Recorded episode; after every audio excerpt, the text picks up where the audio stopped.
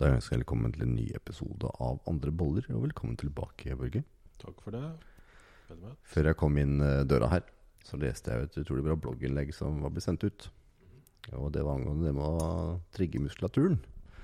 Og det med Jeg har alltid tenkt at det, variasjon det trenger man jo. Man skal trigge muskulaturen på forskjellig type måte.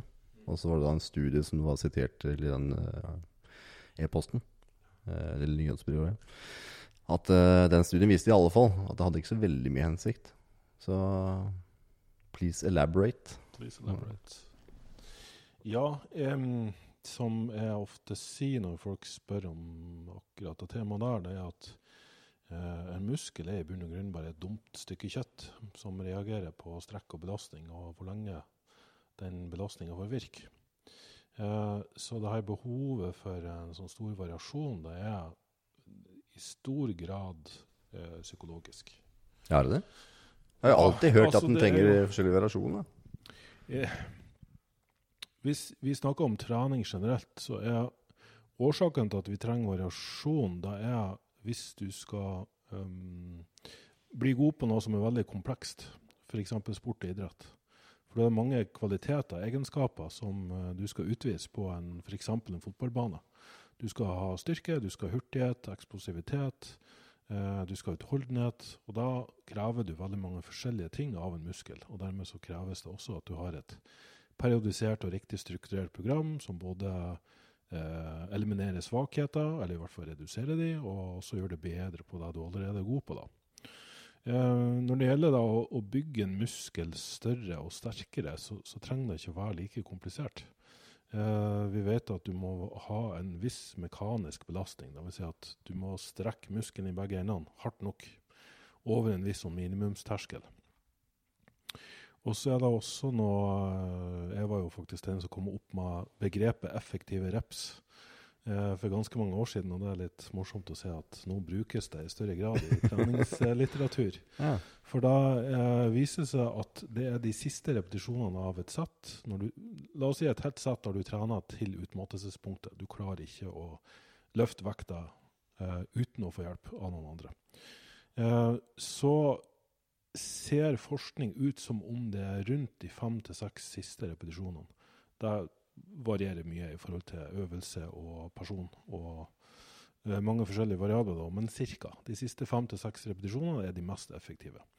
Og da eh, kan enkelte studier tyde på at det har ingen forskjell hvorvidt du trener seks repetisjoner eller 60, eh, for å sette litt på spissen. Gitt at det også må være minimumsbelastning her, så kan du si at så lenge du trener nær, ut, nær utmattelsespunktet, om det er 5 eller 25-30 repetisjoner ca. til de belastningene vi snakker om, så, så vil det bygge like mye muskler. Eh, Det å trene med høyere reps har attpåtil en sånn metabolsk stresskomponent. Det vil si at du, du, får, du får mye syre i muskelen. Så mine fem til seks repetisjoner som jeg elsker å gjøre, de er altså noe som du anbefaler å gjøre, da? eller? Jeg kan faktisk eh, si at det er noe vi eh, anbefaler, ja. Absolutt. At, oh, man kan si at det, går en sånn gyllen middelvei der det faktisk kan sies å være ganske produktivt. For du har, når du trener såpass lave reps og tunge belastninger, så vil du ha um, Da vil på en måte alle repetisjonene i det settet være effektivt. Hvis du bruker lette vekter, så må du ta noen repetisjoner før du begynner å komme opp på et sånt nivå at du har nok utmattelse til at vi kan si at det her er stimulerende. Vil det si at jeg da kan kjøre fem til seks repetisjoner og de samme øvelsene Nå hadde jeg ikke gjort det, da, for da hadde jeg gått lei. Men er det sånn at jeg kunne gjort det da og ute da inn uten at det hadde vært noen forskjell, eller? Fysiologisk sett så kan Mm. vi si det. Ja. Um, det som gjør at vi trenger litt variasjon, er jo det er to ting. Det ene er at, uh, for det her har vi ikke nok forskning på ennå, men si at ved å trene ved det repetisjonsantallet, som er ganske tunge vekter, så belaster du ledd og sene også. Um, de har mye dårligere blodsirkulasjon og restitusjonshastighet enn muskler har. Uh, så det kan være at da på sikt uh, krever større bevissthet rundt hvor ofte du trener og hvor mye du trener. Fordi det er såpass tungt og belastende. Så det er ikke for alle. Uh, og her kommer også den psykologiske komponenten inn. For hvis du er en som kanskje har tidligere erfaring eller opplevelser som gjør at du frykter tunge vekter, at du ikke syns at det føles trygt, så kan det nedregulere den responsen du får. Og Der har vi sett forskning fra noen år tilbake der de som fikk velge sjøl hvilke repsområder de skulle trene, eller de som ble da av forskerne plassert på et treningsprogram eller repsområde som de trivdes med, de hadde generelt sett bedre utbytte av det, enten det var høye, moderate eller lave repetisjoner. Uh, og det er jo noe som uh, f.eks. en styrkeløfter. Vi pleier å si at fem repetisjoner for en styrkeløfter, det er høyrepstrening. Mm. ja. Fordi de er vant til å trene med lavere repetisjoner, for de skal prestere på én rep maks. Uh, og da er det mange som Altså, er det, er det fordi de liker å trene sånn, eller er det fordi det er det som kreves av dem? som gjør at de etter hvert da eh, ser faktisk ut til å respondere litt dårligere på høyrepstrening enn på lavrepstrening. Eh, det er jo også studier som viser, norske, gode norske studier som viser at styrkeløftere som uh, har eh, stagnert muskelmassemessig, dvs. Si de vokser ikke mer, de bygger ikke større muskler, um, ved å introdusere ei uke eller to eller flere med høyrepstrening og sånn okklusjonstrening, så plutselig begynner det å skje ting igjen. Så, så, det kan nok være en variasjonskomponent. Hvis du har trent veldig lenge på et bestemt repsområde, så kan det lønne seg å introdusere uka med alternativ trening eller en kontrast til det du drømmer.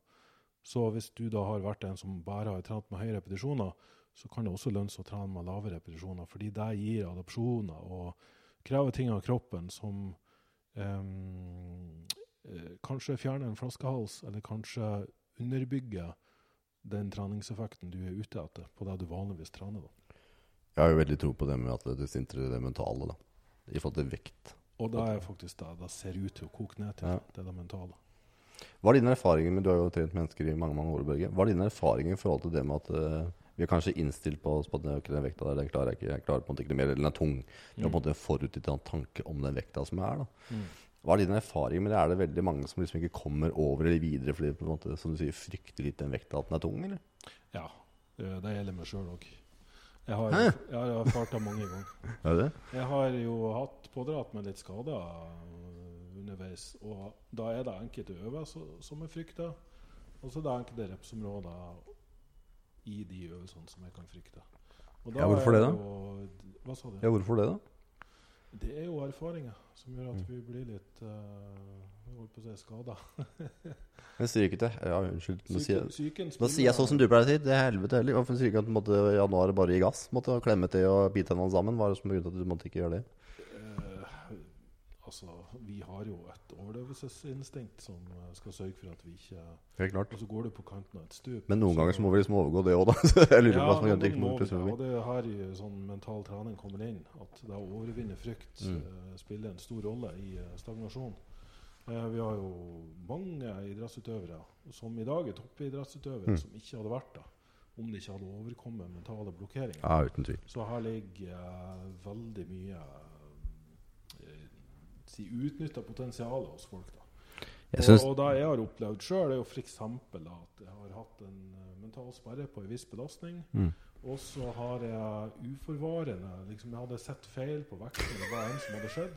Men jeg har lagt på mer vekt enn jeg trodde. Ja. Og tatt noen repetisjoner, og oi, uff, så tungt det var i dag. Nå er jeg visst i litt dårlig form, er litt uh, underrestituert her. Og så har jeg tatt litt etter, og så har jeg plutselig løfta fem eller ti kilo mer enn det jeg hadde trodd. Og bare Oi sann, ny pers, gitt. Men er ikke det deilig? ja, det er jo veldig deilig, men hvordan klarer man å fremprovosere det her bevisst? Og det er vel der det er litt, uh, et sånt lite paradoks, da. Ja. Jeg syns det er det som har blitt litt sånn deilig med trening. Jeg, jeg, jeg, ærlig med at jeg har trent i mange år. Blir fra og til. Mm. Vi har snakka om det tidligere, at jeg kan bli litt fort lei. Ja, og nå ser vi også at det har jo personlighetstype. Det kan ha en mm. genetisk undersak. Ja. Det er et sånt uh, underlag. Det er en sånn COMT-genvariant der noen er warriors med A, og noen er mm. warriors med O. det er en sånn såkalt krigermentalitet. De som alltid skal slåss mot vekten og bare fighte på og, og tyne på, liksom. Ei treningsøkt er ikke god nok med mindre de har fått en ny pers. Men så har du warriors, altså de som er litt mer bekymra av seg. Jeg tilhører jo den genetiske varianten. Men det er egentlig jeg. skjønner. Jeg er egentlig en sånn person som er litt sånn bekymra meg. Egentlig jeg tenker på frykter og alle ting som kan være farlige. Sånn. Men akkurat når det gjelder trening, så er det liksom noen killer-greier. Altså, det er sånn variasjon at da, den vekta den måte skal uh... Ja, og det er jo kontekstavhengig Mm. også. uh, Jeg tror jeg trener meg til det. jeg, har, jeg har gode eksempler på folk som annet en kunde som skrev til meg i dag. Som aksjemegler så er han rå. Helt rå. Han er ubestridt leder, sjef, på jobb.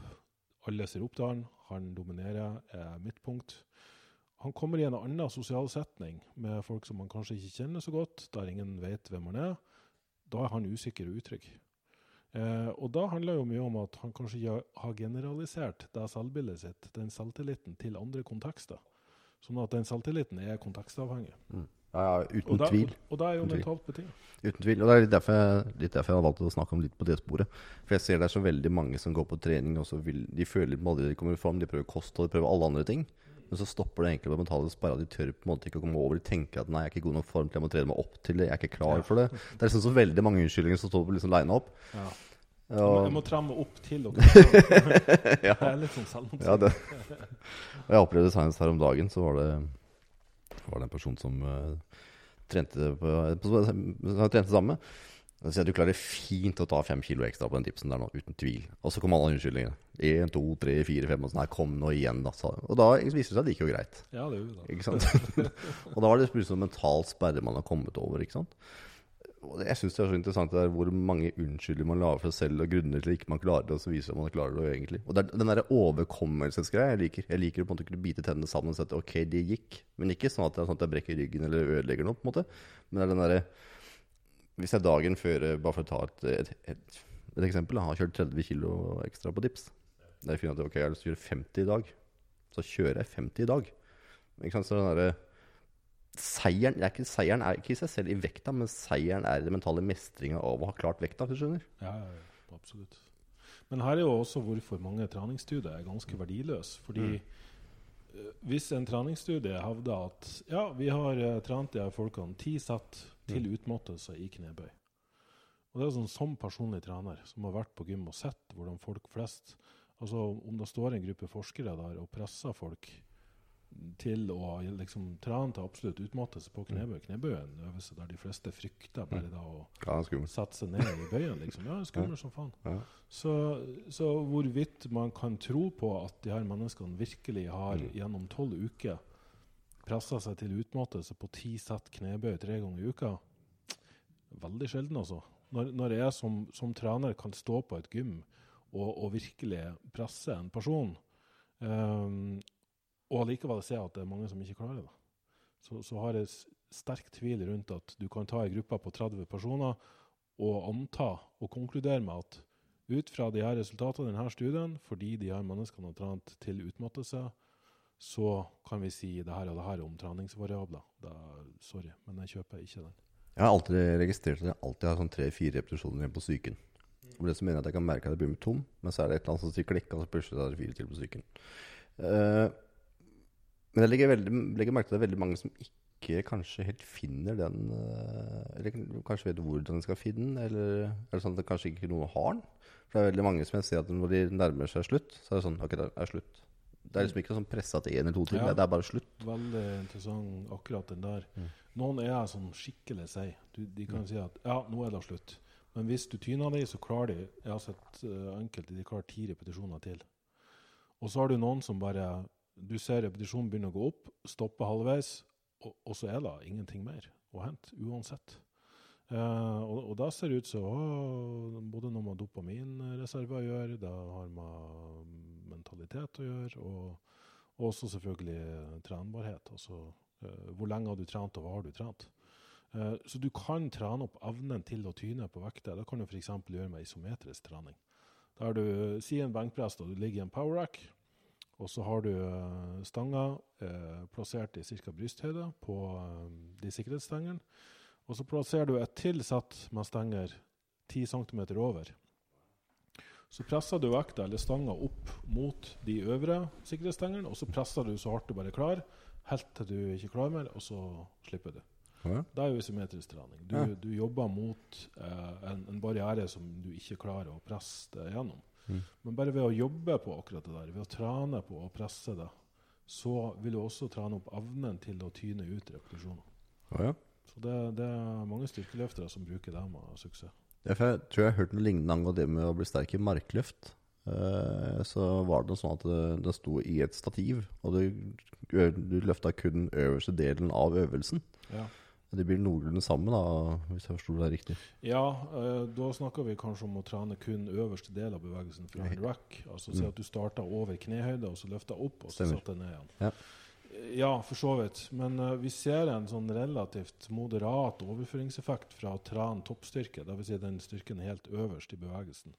Så å si tilsvarende i benkpress, hvis du eh, kun løfter de siste 10 cm av en benkpress. Eh, for noen år siden så var det en hel treningsmetode som ble kalt power factor training. Og Ja. Den gikk ut på at du kun skulle trene i det sterkeste området. Det er den jeg har hørt om. Ja, Men grunnen til at du er sterk akkurat der, er jo Mm. fordi der er det egentlig ledd og ligamenter som overtar. Og så er det jo um, altså kraftvektorer innen fysikk og sånne ting. Skal ikke gå altfor mye i dybden på det. Men det er jo en grunn til at du er sterkest i toppen av et løft. Mm. Um, og ved å kun trene der, så vil du ikke bli overføre den styrken til eh, til det bevegelsesområdet der muskelen er veldig strekt. Mm. Eh, men hvis du trener f.eks. i benkpress helt nede ved brystet, korte repetisjoner kun ved brystet, så kan det overføres til hele repsområdet.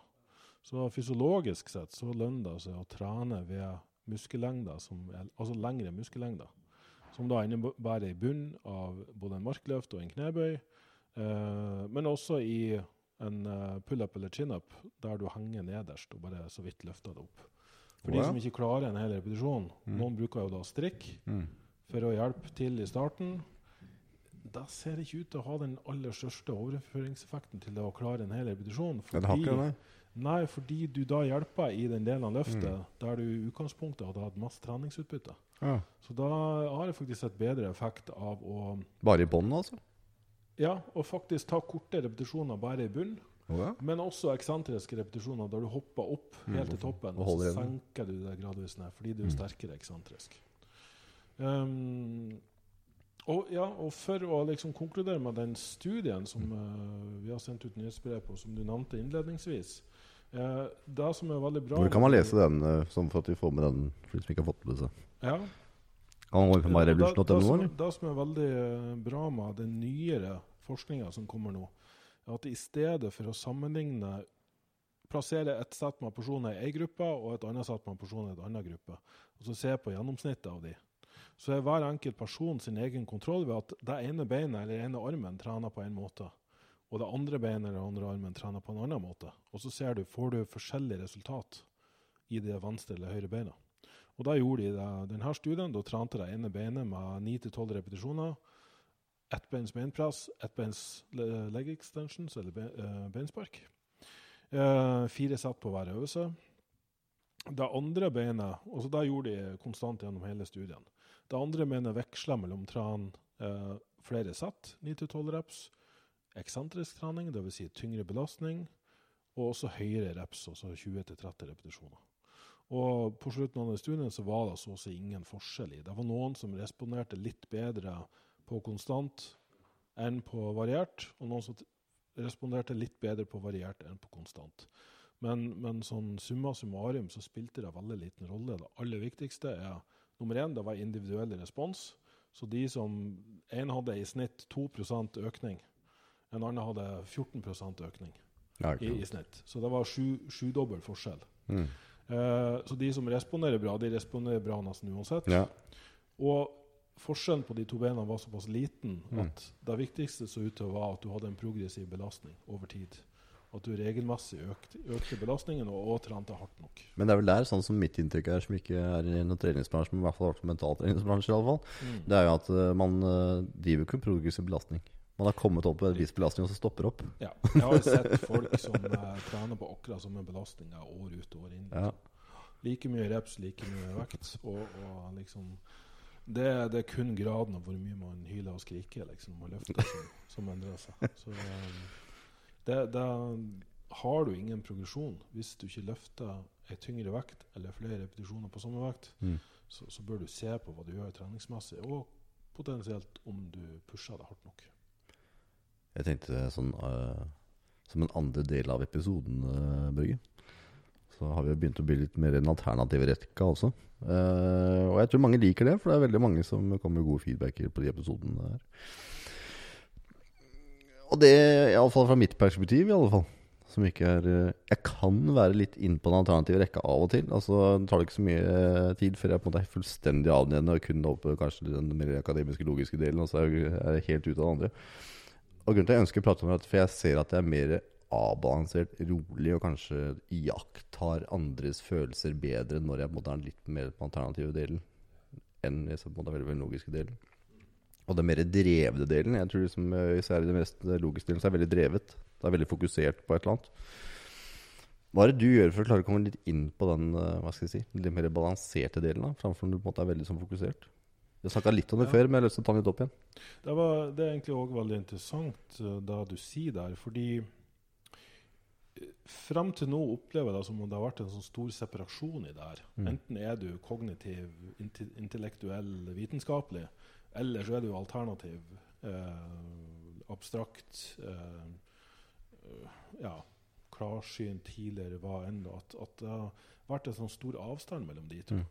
Men det nyere forskning eh, begynner å gjøre noe. Vi hadde en veldig interessant samtale om det her i går, jeg og Lars og en, en til, nede på kafeen her, at um, bl.a. bruken av psykedelika Mm, ja, det har begynt å kombinere de to verdenene. Der mm, vitenskapen begynner å se på at altered states, altså da høyere bevissthet, kan oppnås med ulike eh, medisinske urter. Mm. Det er noe vi som mennesker har brukt i tusenvis av år for å oppnå akkurat den tilstanden. Det er veldig viktig å at man bruker noe psilocybin, altså sopp, da, til, mot depresjon osv. Så, videre. så hvis man psykedelisk ikke er anerkjent, så er det i aller høyeste grad veldig anerkjent for øyeblikket. Ja, absolutt. DMT, uh, psilocybin, eh, til og med LSD, har jo eh, titalls år med forskning bak seg som viser hvordan det her kan kurere alvorlige psykiske lidelser. Eh, så jeg, jeg opplever i mye større grad at nå til og med Stephen Hawking før han døde, begynte å, å um, si at det finnes nå vitenskapelig bevis for enkelte ting som mange alternativ i mange år har hevda og påstått. Så, så det begynner, det begynner å, bli en slags sånn Da at du med kvantefysikk og det med forståelsen av alternative dimensjoner og tidslinjer og alt det her kan begynne i større grad, og det er det jeg eh, opplever og også håper, at Mm. det blir en, en, en sterkere kobling mellom de to. Der vitenskapen kan bevise det de alternative holdt på med i veldig mange år, Mm. og de alternative kanskje i større grad også ønsker å få vitenskapelig bevis på at det de holder på med, er riktig. Mm. For jeg opplever veldig mange som de blir liksom så alternative at de mister helt bakkekontakt og roter seg helt bort. Mm. Og kanskje i, i stor grad også ønsker at de har evner som de kanskje egentlig ikke har. Um, men, men for å svare på spørsmålet ditt, så um, Nummer én er faktisk at du begynner å anerkjenne at den koblinga eksisterer. Mm. At det er ikke enten-eller. Du er ikke enten intellektuell eller alternativ eh, skråstrek synsk. Liksom. Mm. Jeg tror da, mange kaller synske evner, det å ha et sånn klarsyn, det, eh, det handler i stor grad om at du, du kobler deg på den mer ubevisste delen av Mm. kroppsspråk og kommunikasjon. Um, Ja, og, og, og liksom skal vi koke det ned til ren fysikk, så er jo tanker er elektriske impulser Absolutt. og elektromagnetisk eh, felt. Og Energi, ja. så, så du sender ut. Mm. Og da at man kan da sitte på andre sida av bordet og kanskje fange opp det her, det er ikke utenkelig. Sånn fra et rent vitenskapelig ståsted. Vil, vil jeg tro, da. Ja, Jeg tenker at det er energi, da, og det jeg måtte merke det på når jeg sier den alternative delen. Så er det at jeg er veldig mye intuitiv på hva Ok, skal jeg gjøre det valget, skal jeg ta det valget, eller hvordan tenker den personen er nå, eller hvordan skal jeg angripe denne situasjonen. Men hvis det er veldig fokusert drevesmodus, så tenker jeg ikke å reflektere over valga. Da er det bare nettopp. kjør på der. Ja, nettopp. Jeg, jeg tror også at jo mer vi fyller hodet vårt med tanker og, og sånn men, mental kaving og roting, eh, jo vanskeligere er det å kjenne på den intuisjonen. Og, og liksom, for jeg tror vi alle har et klarsyn. Vi har en sånn instinkt som forteller oss hva som er riktig og galt, og leder oss i, i, på riktig eller, eller dårlig vei, for den saks skyld. Uh, men ved at vi, vi skal gruble og, og liksom um, styre så veldig mye, så, så tror jeg at uh, det er fort gjort at vi mister den koblinga. Det her ser vi også i mat. Altså det, å, det å kunne spise Det å kunne spise intuitivt og instinktivt eh, handler om å slutte å ruminere og kave og styre så mye rundt mat og gi det merkelapper, sunn og usunn osv. Det å kunne stole på at kroppen har et fysiologisk behov, og ved å spise mat fra naturen som du tilbereder sjøl, så, så kan du også spise det matt og, og oppnå helse og, og sunnhet. Det er bare en teori fra min side. Men det er en teori ut ifra hvordan jeg opplever meg selv. Da. Og det er der de fleste av mine teorier kommer fra. hvordan Jeg opplever meg selv Og det er, eh, jeg merker man har veldig mye ytre stimuli av noe slag. At man er veldig sånn drevet, man jobber med en PC kanskje mye, eller man sitter veldig mye med elektronikk og jobber. da Ja. Så merker jeg at det er da disse elementene slår inn, da man ikke merker noe særlig til uh, intuisjon osv. Ja. Men er man veldig mye i skog og mark, er veldig mye ute, og ikke, man har ikke noe stimuli, har ikke telefon, er ikke telefondekning engang, Mm. da kommer disse følelsene tilbake. Ja. Så jeg tror veldig mange ikke kan føle på i dag fordi vi på en måte har så veldig mye ytre stimuli at ikke de andre, de andre, andre elementene vi alltid har hatt, kommer fram. Ja, og det er jo òg noe forskning, man skal ikke bli helt paranoid på det heller, men EMF, altså elektromagnetiske frekvenser, fra elektronikk som omgjør oss med, kan faktisk påvirke liksom hjerne og, og tenke. Energi, det òg. Det er energi, det òg. Mm. Og, og jeg er ikke i tvil om at det er en påvirkning. Det er jo f.eks. Um, eh, det er jo vist at hvis du setter telefonen din på flight mode, hvis du har den på nattbordet ditt, så kan du sove dypere og bedre. Det, sånt har vi gode, kontrollerte studier på som viser. Det er ikke noe sånn visvas eller hva du tror på, eller noe sånt. Så, så da vet vi at det kan påvirke sånne ting hvis du har stråling nært nok hodet ditt. Og det å sånn, sitte og prate med mobilen inntil øret ditt lenge nok, så kjenner du at du blir varm Ja. huet. Så, så det er jo liksom ikke noe tvil. Nei. Så jeg tenker i hvert fall at vi kan være litt mer bevisst på sånne ting. Mm. Vi, vi trenger ikke å liksom sette oss med aluminiumsfolie på, på hodet og, og liksom uh, tro at uh, ja, da faller flyene i huet vårt når som helst. Men i hvert fall skape litt bevissthet på hvilket miljø vi omgir oss i, og hvilke mennesker vi omgir oss med. For det er jo ingen tvil om at hvis du omgir deg med folk som har en sånn dårlig energi, Mm. altså enkelte ganger så kan du gå inn i et rom og så bare merke uff, her er det dårlig.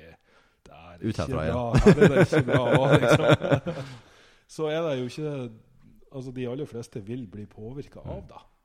Så, Ja, så, så min sånn jeg, jeg tror det er lurt å ha folk som er på forskjellige frekvenser, og du kan bevege deg litt fritt mellom. Jeg kan være, snakke med folk som er helt rent forskerorientert og kun vitenskap. Og så er det noen som er veldig alternativ, og så er det noen som kan bevege seg fritt mellom de to ytterpunktene. Og da, da føler jeg meg veldig komfortabel med meg sjøl. Jeg kan sitte og se på en studie og studere og lese tall, men jeg trenger også elementer av liksom, det alternativet og føle en sånn kobling med natur og, og Mm. menneske og univers, liksom, for, for, å, for på en måte finne min identitet eller plass i, i livsoppgave. Og her syns, her syns jeg er sånn Og da kjenner jeg allerede at det her eh, Jeg tror mange som meg, derfor, derfor sier jeg det. Og når jeg hører ordet univers, da, da går jeg helt i vranglås. For da, for da piker den der alternativet det er så- Det er så stort at vi, vi aner ikke. Vi, vi vet for Nei, vi gjør ikke det. Men det er det med ordet, da. Det har, det blitt så veldig mange For mitt tilfelle snakker jeg fra min egen, eget perspektiv. Da, Børge. Ja, Og det er så mange ord som kanskje havna i for meg feil bås. ja. At eh, når jeg hører på en måte visse ord, Mm. så er det sånn Åh! Ja, det det vil ikke være en sånn Nei, vi ikke ha noe med det å gjøre, iallfall. Uh, og det er veldig synd da at det er veldig mange sånne ord som univers. Det er jo ikke noe negativt med det ordet i det hele tatt. Men det har bare fått veldig mange for mitt tilfelle. Fått veldig mange Det, det ser du jo da å være altså synsk, og da å Mm. lese kroppsspråk, eller Ja, da intuitiv. Det er jo, kan du si på mange måter mye av det samme. Ja. Men synskhet, klarsyn, det høres veldig sånn fu-fu ut. ja, det er litt sånn universelt. Ja, univers. Det er som universgreier. Mens ja. liksom Ja, jeg er intuitiv. Jeg er en inti intuitiv person som lytter til instinktet mitt. Ja. Det høres bedre ut. Da er det greit, liksom. Ja. Ja kom og lek med oss. Ja, ja da, da kan jeg høre. Men det er ganske interessant da, hvordan ord har så mye makt som det de har. ja. Det er, eh, Språk eh, ja, har mye å si. så for deg som hører på nå, og jeg vil gjerne at vi snakker litt mer om det med språk og litt mer alternativer, så vil jeg gjerne at du sender det til podcast at myrevolution.no. Og så til neste Jan Børge, så takk for i dag. Og vil gjerne ha litt input på hvor de finner nyhetsbrev her, Lars. Jeg vil gjerne ha et input på hvor de finner nyhetsbrev. Ja, hvor du finner eh, På artikkel eh, Ja, vi har en egen artikkelside under eh, Der. Markedsførselen. Eh, I de artiklene så ligger det Helt i bunnen av artikkelen så ligger det mulighet for å skrive seg opp på nyhetsbrev. Og da vil man motta oppdateringer og spennende nyheter fra oss. Vi skal også prøve å få lagt ut litt mer på sosiale kanaler. Sånn etter hvert. Vi, er, vi har vært litt for sånn Kanskje blitt veldig flink på enkelte kanaler, men ikke så flink på de andre. Så for at jeg vet at folk er Noen er på YouTube, og noen er på Instagram, og noen er på Facebook. Og, så så vi, vi håper å nå ut til flere på, på den måten. Og for deg som nå har hørt at jeg snakke om en nyhetsbrev, så kan du finne artikler på myrevolution.no. Og under der skal du også sende opp på nyhetsbrev. Så da kan du få med deg hva vi har snakket om i dag. Så er bare ting å si, og det er ha det bra. Ha det bra.